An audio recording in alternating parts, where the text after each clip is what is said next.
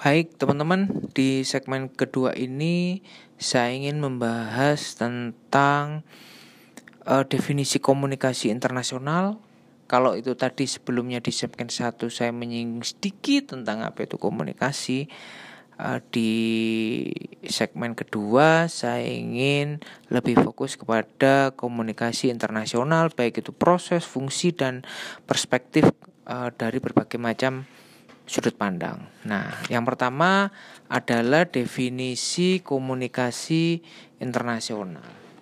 Memang sih pada hakikatnya itu semua definisi komunikasi itu sama ya, yaitu proses uh, apa namanya uh, menyampaikan gagasan atau ide, menyampaikan pesan dari komunikator kepada komunikan dengan tujuan tertentu, misalnya merubah sikap, pendapat atau tindakan.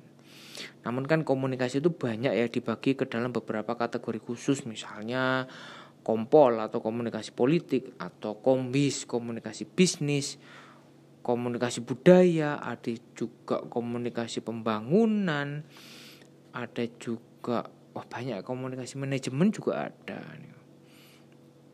nah kemudian lalu apa yang dimaksud dengan lalu bagaimana definisi komunikasi internasional. Ini ada salah satu pakar namanya Ono Ucana Effendi menyatakan bahwa komunikasi internasional itu adalah komunikasi yang dilakukan komunikator yang mewakili suatu negara untuk menyampaikan pesan-pesan yang berkaitan dengan berbagai kepentingan negaranya kepada komunikan yang mewakili negara lain dengan tujuan untuk memperoleh dukungan, bantuan, dan kerjasama. Melalui apa? Melalui berbagai media komunikasi, misal media massa. Nah, dalam konteks karena ini komunikasi internasional, maka media massanya juga yang dipakai adalah media massa dalam konteks atau dalam perspektif internasional atau global. Nah, begitu. Kemudian uh, si Effendi ini juga menambahkan bahwa sebuah komunikasi yang interaksi dan ruang lingkupnya bersifat lintas negara serta berlangsung di antara orang-orang yang berbeda kebangsaan dari negara yang berbeda-beda dan memiliki jangkauan penyampaian pesan melintasi batas wilayah suatu negara. Ini tentunya tidak semudah yang kita pikirkan. Ada beberapa hal atau ada beberapa aturan yang juga perlu uh, diperhitungkan dalam uh, rangkaian proses komunikasi tersebut. Misalnya contoh apa ya terkait dengan uh, kode etik mungkin uh, bagaimana apa namanya latar belakang ekopol atau ekonomi politik dari media yang bersangkutan. Contoh CNN Reuters AFP kemudian apa lagi? Uh, yang di UK itu apa ya? Uh, eh, BBC itu akan sangat berbeda latar belakang atau ideologi ekonomi politiknya dengan media-media yang ada di Indonesia seperti Kompas, Jawa Pos, Republika, Tempo.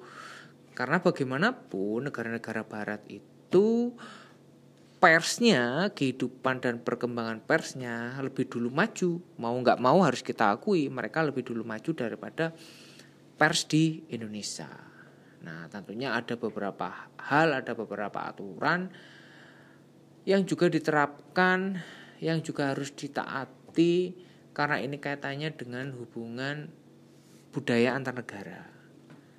Ya toh baik itu budaya di redaksi atau budaya pada budaya yang ada di uh, kehidupan masyarakatnya itu juga sangat berbeda.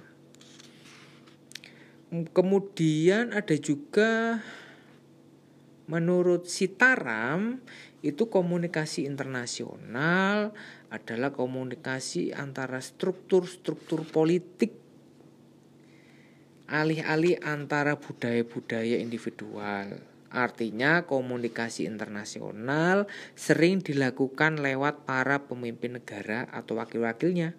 Misalnya contoh Menlu atau Dubes atau Konjen atau konsul jenderal ya, Konjen itu. Nah, tentunya para wakil negara ini memiliki kepentingan negaranya yang ia wakili dalam upaya meyakinkan misalnya negara lain atas berbagai kebijakan yang tengah ditempuh gitu kan. Contoh misalnya kalau dulu teman-teman masih ingat di saat pandemi masih belum usai, dulu sempat ada apa ya? larangan uh, wisatawan untuk masuk Indonesia? Atau bukan larangan ya. Indonesia di blacklist sepertinya bahasa bahasa ininya gitu. Indonesia di blacklist oleh beberapa negara Eropa maupun Amerika itu tidak memperbolehkan warganya untuk berkunjung Indonesia ke Indonesia karena uh, perkembangan COVID di Indonesia semakin tinggi kemarin kalau teman-teman ingat sempat masuk di berbagai media tidak hanya nasional tapi internasional itu tentunya kebijakan negara atau kebijakan masing-masing negara atau bahkan kebijakan internasional ya yang juga harus semua harus wajib menaati gitu kan. Indonesia juga wajib mentaati kalau misalnya tidak boleh berkunjung ke misalnya ke Eropa, ke Inggris gitu kan. Tidak menerima kunjungan wisatawan ke Inggris misalnya. Ya sudah itu merupakan hak kebijakan mereka ya kita harus menghormati itu misalnya. Maka kemarin dalam kasus tersebut pemerintah Indonesia melakukan lobby melalui Menlu lobby kepada negara-negara bahwa oh ini loh negara kita itu aman sebenarnya kita prokes ketat gitu kan angka covid sudah turun gitu kan sekarang kita sudah ada vaksin kita sudah buka lagi nih jalur wisatawan ke Indonesia ke Bali. Ya, misalnya begitu. Karena apa? Ada kepentingan ekonomi juga selain kepentingan politik. Kepentingan bisnis. Nah, seperti itu. Kenapa kok saya membahas uh, dalam tataran komunikasi internasional dulu? Karena ya memang kita belum masuk ke ke arah ini ya, ke arah pers. Tapi nanti komunikasi internasional ini yang saya yang kita bahas ini nanti lebih mengarah kepada komunikasi internasional dalam perspektif jurnalistik. Nah, ini baru awal dulu gitu kan. Nanti kita masih banyak tuh tentang pemberitaan internasional, sejarah perkembangan pers internasional di Eropa yang membedakan dengan Indonesia, Eropa dan Amerika misalnya. Nah, ini kita bahas dulu komunikasi internasionalnya. Setelah tadi di segmen pertama apa itu komunikasi, ruang lingkup komunikasi, maka yang kedua ini kita bahas sedikit tentang komunikasi internasional. Begitu teman-teman. Saya sedikit menjelaskan di komunikasi. Nanti di pertemuan berikutnya ada tentang sejarah pers internasional nanti akan masuk ke sana. Itu ya. Kemudian uh, sedikit saya singgung tentang perspektif komunikasi internasional ini ya. Ini saya dahulu dengan perspektif komunikasi internasional. Nah, ditinjau dari pendekatan interaksi yang digunakan memang komunikasi internasional dapat dipelajari dari berbagai macam perspektif. Jurnalistik, diplomatik, propaganda, kemudian ada kulturalistik, dan yang terakhir adalah perspektif bisnis. Nah, nanti kita hanya fokus di komunikasi internasional atau jurnalistik eh sorry komunikasi internasional dalam perspektif jurnalistik.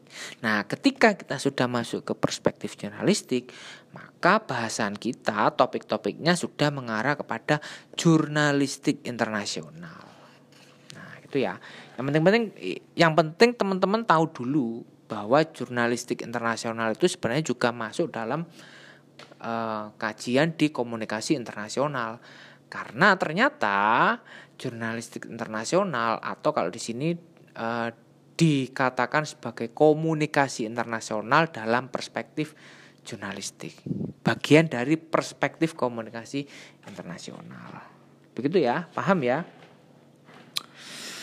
Kalau kita lihat oke okay, sekarang uh, kita masuk ke segmen 3 uh, eh, tentang perspektif sorry komunikasi internasional dalam perspektif jurnalistik. Begitu.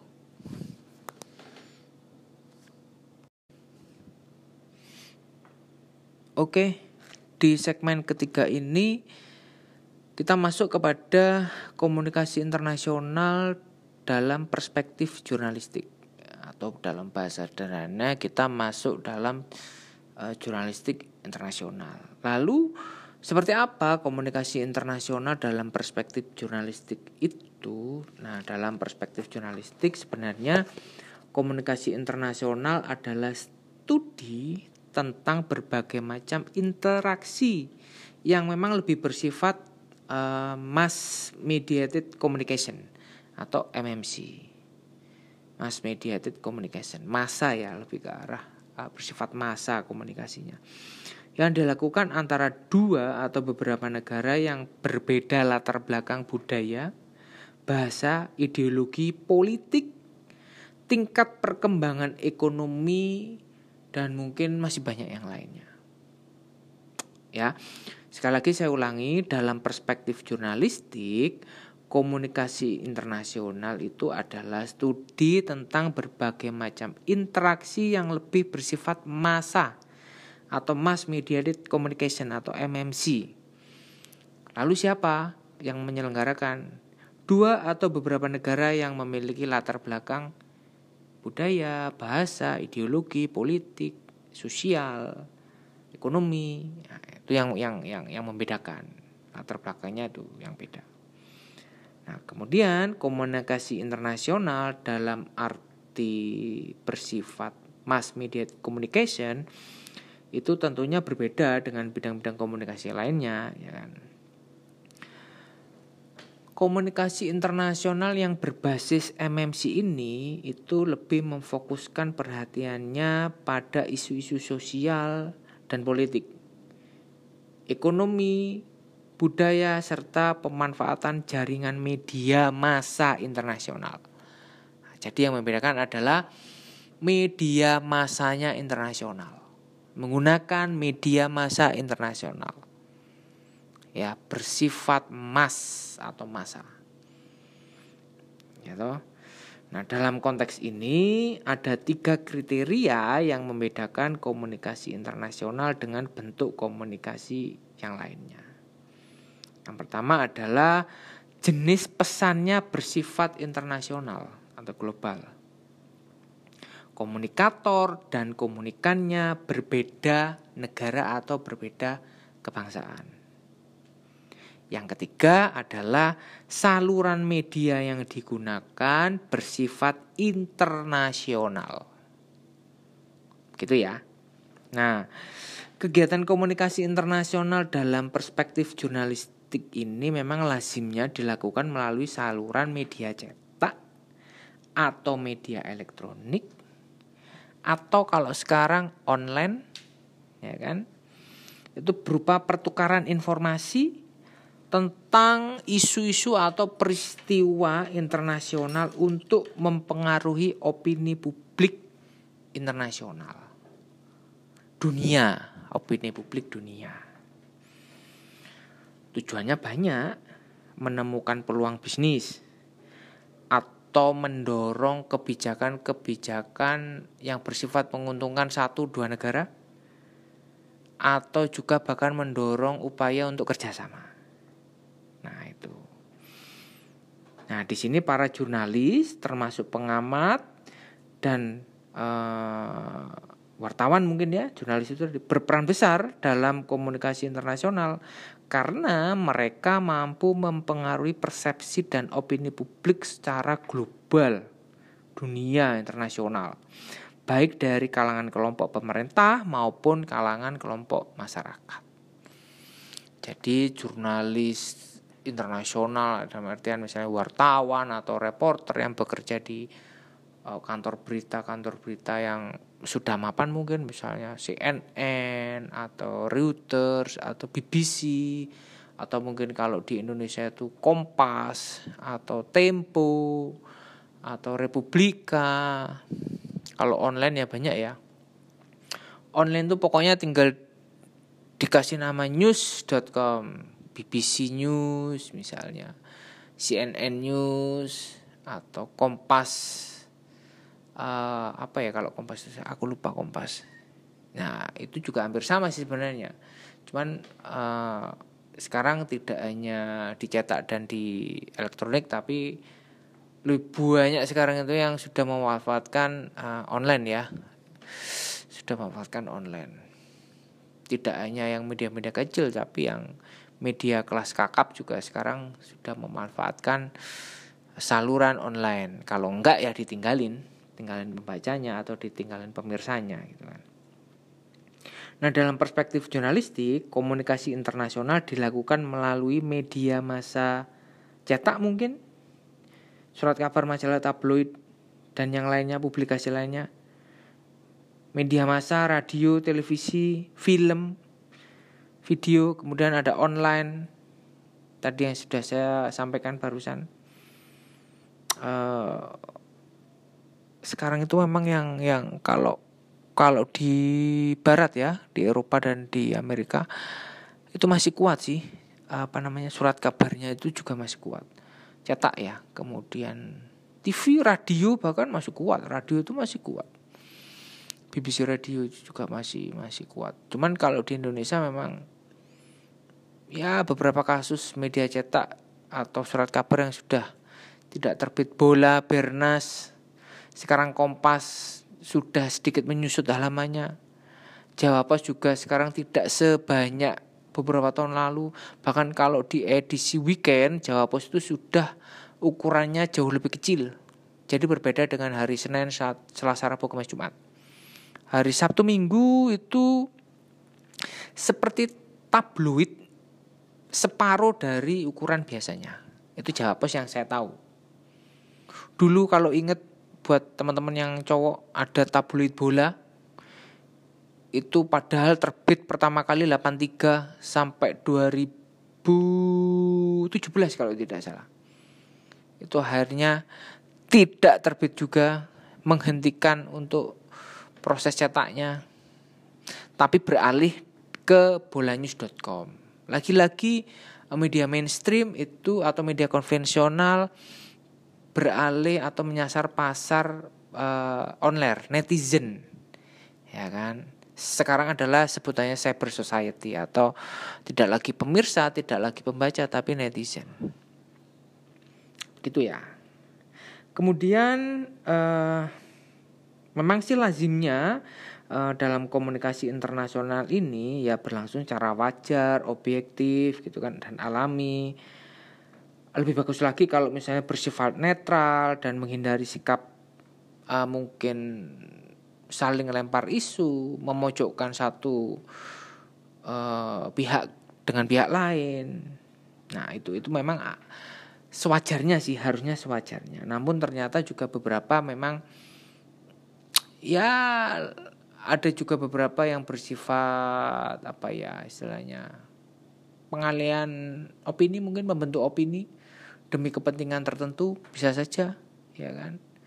Nah nanti itu ada bahasan tersendiri terkait dengan misalnya terorisme kemudian ada propaganda ada ya kalau teman-teman ingat nanti kita juga akan bahas masalah jurnalisme perang jurnalisme berdamai karena kan internasional kalau di Indonesia sih saya rasa tidak ada ya apa namanya pemberitaan atau isu-isu masalah perang. Tapi kalau secara global gitu kan kita juga sudah tahu tentang bagaimana kondisi uh, di Timur Tengah gitu kan. Uh, yang ternyata juga di sana masih berlangsung perang dan sebagainya. Itu nanti masuk dalam kajian kita di jurnalistik internasional. Uh, tentunya objektivitas merupakan uh, harapan yang ingin semua orang atau masyarakat capai di dalam apa namanya pemberitaan misalnya objektivitas. Cuman kan ya itu ibaratnya sebuah harapan palsu kalau misalnya buat saya ya buat saya. Kalau misalnya kita menuntut bahwa setiap media itu objektif atau independen itu mustahil gitu kan. Ya tapi tidak ada masalah dengan itu. Kita juga tidak bisa menyalahkan media karena memang mereka juga punya kepentingan ya kepentingan redaksi baik itu uh, politik ekonomi media dan kepentingan bisnis tentunya. Kalau teman-teman ingat ada majalah juga yang namanya National Geography ya kan atau Discovery Channel. Nah, itu juga merupakan ya salah satu atau salah dua bentuk dari uh, atau dari uh, bukan bukan bentuk ya produk produk produk dari uh, jurnalistik internasional. Uh, kalau National Geography masih eksis sampai sekarang cetaknya. Majalah itu. Eh majalah sih. Ukurannya memang se, se, se sebuku tidak terlalu besar seperti tabloid atau seperti majalah biasanya. Agak kecil. Itu ada yang versi Inggris ada yang versi Indonesia. Saya nggak tahu ya. Saya beberapa sejak pandemi saya tidak mengikuti perkembangan apa aja yang sorry apa aja beberapa media cetak apa aja yang masih eksis atau atau sudah sudah tidak terbit. Nanti coba karena ini jurnalistik internasional nanti coba saya carikan info tentang majalah Nasional Geografi apa aja isu-isunya gitu kan. Sekarang berapa harganya gitu. Apakah masih terbit atau memang sudah memutuskan untuk tidak terbit seperti media-media atau surat kabar yang lainnya? Begitu teman-teman. Sekilas dulu tentang konsep komunikasi tadi di awal kemudian masuk ke komunikasi internasional. Sekarang segmen ketiga masuk kepada komunikasi internasional dalam perspektif jurnalistik. Itu uh, 10% 15% dari uh, keseluruhan nanti yang akan kita bahas lebih fokus lagi nanti di pertemuan berikutnya berikutnya berikutnya berikutnya. Demikian kalau ada yang mau ditanyakan atau yang masih kurang paham, masih ingin diskusi, silakan bisa jabri ke saya atau bisa email ke saya. Boleh, saya menerima menerima apa namanya saya terbuka untuk diskusi begitu terima kasih teman-teman sudah menyempatkan waktunya nanti uh, apa yang dapat saya sampaikan ini semoga bermanfaat tidak juga bagi kalian tapi juga bermanfaat bagi saya dan juga siapa pun yang mendengarkan podcast ini Selamat pagi, siang, sore, malam. Terima kasih. Assalamualaikum warahmatullahi wabarakatuh.